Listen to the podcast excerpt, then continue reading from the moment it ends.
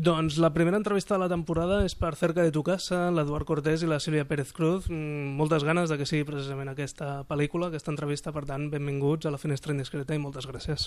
Moltes gràcies a tu. Moltes gràcies. Eh, la primera pregunta és inevitable, eh? eh? allò de l'ou o la gallina. Era un musical i per tant vau decidir comptar amb Sílvia Pérez Cruz o Sílvia Pérez Cruz entra i vau decidir fer un musical? Ara comentava que vaig, vaig decidir que, o vaig pensar que podia ser Sílvia Pérez Cruz abans de saber que anava a fer la pel·lícula, perquè jo l'havia vist abans amb concerts i, amb, i una vegada al teatre, cantant cançons, i era un fan brutal. Vull dir, jo la primera vegada que la vaig veure cantar vaig quedar absolutament commocionat i em va quedar el somni d'algun dia poder fer alguna amb ella. Llavors, quan sí vam decidir que la pel·lícula podia ser un drama amb cançons, en format com de musical, jo de seguida vaig pensar en ella i la prova és que quan la vaig tentar només existia una sinopsis del guió, vull dir, la vaig tenir no va ser abans ella que la pel·lícula, però pràcticament alhora. En aquest cas t'he de preguntar si ja havies rebut eh, ofertes abans per eh, fer cinema o l'Eduard ha estat el, el primer i en aquest cas què és el que t'ha fet decidir per aquesta pel·lícula? Abans d'ell, no, jo crec que quan ningú sabia que fèiem aquesta pel·lícula perquè vam estar molt temps, va costar molt primer convèncer-me per fer d'actriu i llavors tirar-la endavant perquè costava molt aconseguir diners i sí que recordo durant aquell temps que me van arribar alguns guions i jo pensava, però la gent s'ha tornat boja o què? No? O sigui, no he actuat mai a la vida però què, què us passa? I m'enfadava, m'ho deien i dic, però que no en sé jo, no? Llavors parlant concretament de, amb l'Eduard jo li deia Eduard, però és que és una bogeria, és que no ho sé ni jo, o sigui, és que no he, no he fet no he dit mai res, no, no he actuat mai i, bueno, jo ho tinc claríssim, no? Que la seva confiança també em pensava, bueno, ell es dedica a això, també ha fet actuar, no sempre dirigeix actors, vull dir, deu saber alguna que hi he de confiar, encara que parli de mi i tingui totes les inseguretats del món.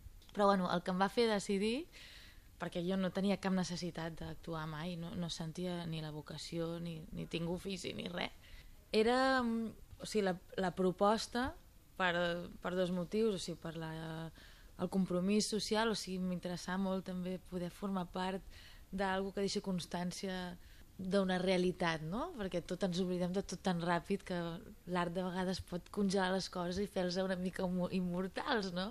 Llavors m'interessava molt la part de el projecte artístic, no? La llibertat artística, l'aventura i la bogeria, no? De dir, no en tenim ni idea en realitat de com es farà això, perquè hi ha moltes maneres de fer-ho i vaig dir, jo si ho faig vull que sigui buscar la part més orgànica i, i la, la tercera cosa és l'Eduard, com és l'Eduard, no? Que jo pensava, jo, jo vull fer alguna cosa, o sigui, m'agrada molt com pensa, com reacciona a totes les preguntes que li faig, tots els meus dubtes, com parla de tot, és una combinació de com molta intel·ligència interna per un costat, no, que et sents com segur, però llavors com molta màgia, com un nen il·lusionat i supersensible, que a mi aquesta combinació pensava bueno, és que no pot ser dolent crear al costat d'algú que viu les coses així, no? I, i bueno, al final, per això d'actuar era una cosa més, al final era una possibilitat de, de viure una, una vida um, de, però després de veure com feien el guió, poder opinar, fer cançons, fer les lletres, veure els actors, la Sol Pico fent una coreografia, o sigui, per mi era unes colònies, no? Molt de curro, però una oportunitat de fer alguna que no passa normalment. Ara que menciones això de la Sol Picó, precisament aprofito per fer una pregunta eh, sobre aquest, aquest, eh, aquesta coreografia. No? Eh, potser sonarà una, una mica macabra, però ho dic eh, com que m'agrada la idea de, de, de fer com un Busby Berkeley eh, aquí al metro. No sé si ho vau pensar en algun moment. Sí, això, això és una, una, de les, una de les primeres imatges que vaig tenir de la pel·lícula al cap evidentment a la Sol Picó jo l'admiro moltíssim, li vaig donar una llibertat absoluta per fer la coreografia només, només li vaig demanar això hem d'incloure aquest moment Esther Williams no? eh, amb aquesta situació tan, tan perversa i tan, i tan dura no? Mm -hmm. aquesta combinació a mi amb, amb, o sigui, així com havia tingut molta cura i molt escrúpol de no frivolitzar la pel·lícula pel tema i per la gent que sobretot m'havia ajudat, perquè aquí darrere d'això estem nosaltres, però darrere hi ha eh, molta gent desnonada, gent molt implicada que ens va fer molt costat, i llavors jo no volia frivolitzar-la de cap manera la pel·lícula, però aquest moment jo vaig dir si ho entrem sobre des d'aquesta perspectiva penso que encara farà més mal no? i i la Sol això ho va, ho va integrar d'una manera absolutament espectacular i jo estic molt agraït de la feina que ha fet la Sol Per tot el que heu explicat, per el que és el, el projecte imagino que Cerca de tu casa és una, és una pel·lícula especial realment eh, per el tema del musical, pel, pel tema de la pel·lícula per ser el teu debut eh. què us emporteu d'aquest projecte que no teníeu abans com a persones? Bueno, una cosa que l'estic dient però que em dona confiança, no? Que, perquè fer un, fer un disc ja és difícil, però fer una pel·lícula és com un miracle, jo ho veig, no? Has de, hi entra tanta gent i clar, jo sóc molt fan de... Per, bueno, defenso molt que tothom s'ha d'anar impregnant d'aquella idea, però quanta més gent es, entra és molt difícil. Has d'haver fet molt bé la feina del principi perquè l'efecte cadena funcioni. Passa també el, del, el joc del telèfon, no? que es va desvirtuant, no saps què li arriba a aquell. I també has de, hi ha un moment que has de cedir i confiar en gent que, hòstia, però que igual no, no, no ha entès l'amor que hi ha aquí, no? I em fa molt feliç veure que això que dic de la mirada que tenia l'Eduard quan el vaig veure, o sigui, la il·lusió, vaig veure que era un projecte que el faria sí o sí, que no tenia res a veure ni amb els diners, ni amb res, ni que ell volia fer, li sortia de l'estómac fer-ho i ho faria, i que aquesta energia és brutal, i el brillo aquest, després de passar això que, no, que bueno, vosaltres sabeu més, no? fer una pel·lícula, veure que al final en els espectadors, en el passi de a la roda de premsa aquella de Màlaga, o la gent, veure-li els ulls el que li passava amb ell, pensava, ostres, que bé, no? Em dona confiança de les coses es transmeten al final, no? I s'ha de confiar en això. Hi ha molts moments que sembla que no, i el cansament et fa de caure, però ostres, confiar en, en, en l'amor, les coses fetes amb amor i amb veritat i amb el seu temps. Una de les coses seria això. Bueno, per mi, home, per mi ha sigut una, moltes coses em porto.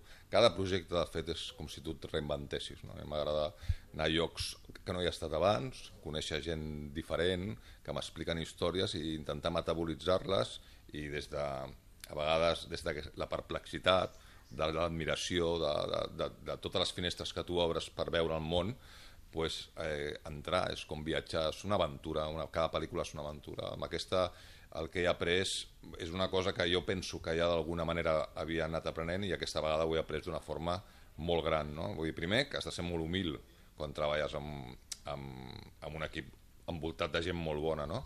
I, i sobretot inspirant-te en vides que han deixat molt, molt drama, no? Eh, amb allò que tu estàs explicant. I després, eh, amb això estic també molt d'acord amb, la, amb la Sílvia, a confiar, no? A pensar que, que, que, que, si, que si està tot ben encarat les coses aniran fluint i, i, anaran, i, i aniran pujant i pujant i pujant i que finalment això és un viatge apassionant no? jo és per això que em dedico al cine no per altra cosa eh? Escolteu, m'agradaria fer-vos moltes preguntes, però mm, desgraciadament tenim un temps limitat, o sigui que acabo amb un nom que és Sor Eulàlia de Anzuza. Realment existeix aquest carrer o què? Sí, mira, hosti, quina gràcia que diguis això. Bueno, quan estàvem, eh, just abans de gravar l'escena vam passar aquest text i havia, no sé, havien posat un carrer, no sabien quin posar i li van Massaguer va dir, ostres... Bueno, no va ser així exactament, ah, no? no. Com era? Explica, perdona. O sigui, el, el, el, no, ens, no ens acabava d'agradar el nom que havíem escrit al guió. Però n'hi havia un, no? Hi havia un. Altre, sí. Llavors vam dir, eh, és que va ser més màgic, jo penso. Hi havia, hi havia un, llavors no ens va dir, bueno, anem a buscar un altre, i no pensàvem carrers i tal. I llavors vaig agafar un callejero que hi havia per allà, el vaig obrir a l'atzar i vaig clavar el dit, i va sortir aquest carrer. Llavors allà en Massaguer va dir, és molt fort. Dic, per què? És el carrer on jo vaig viure la meva infància, em va dir. Sí. Era sobre l'àrea d'Ancizu. O de... Clar, és que ara com que ho vaig dir malament, clar, jo dic malament a la pel·lícula. Ah, I llavors vam dir, ostres, és un nom molt complex, és que és un disbarat posar aquest nom si és molt pitjor que l'altre. Però s'havia produït aquella casualitat màgica Màgica. i vam dir, doncs pues venga. I llavors li vam posar a la Sílvia la dificultat eh, de titànica de pronunciar això enmig d'un speech molt delicat emocionalment i jo penso que la, la, la fragilitat amb la que ho diu i com s'equivoca va portar un moment Màgic. molt de veritat a, a, a aquella escena.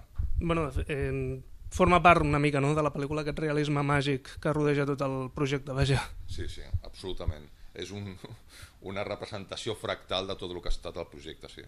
Mm. Doncs Cerca de tu casa, una pel·lícula molt especial que esperem que la gent descobreixi a partir d'aquest divendres. Eh, Sílvia Pérez Cruz i Eduard Cortés, moltíssimes gràcies per aquesta entrevista. Gràcies a tu. A tu, gràcies.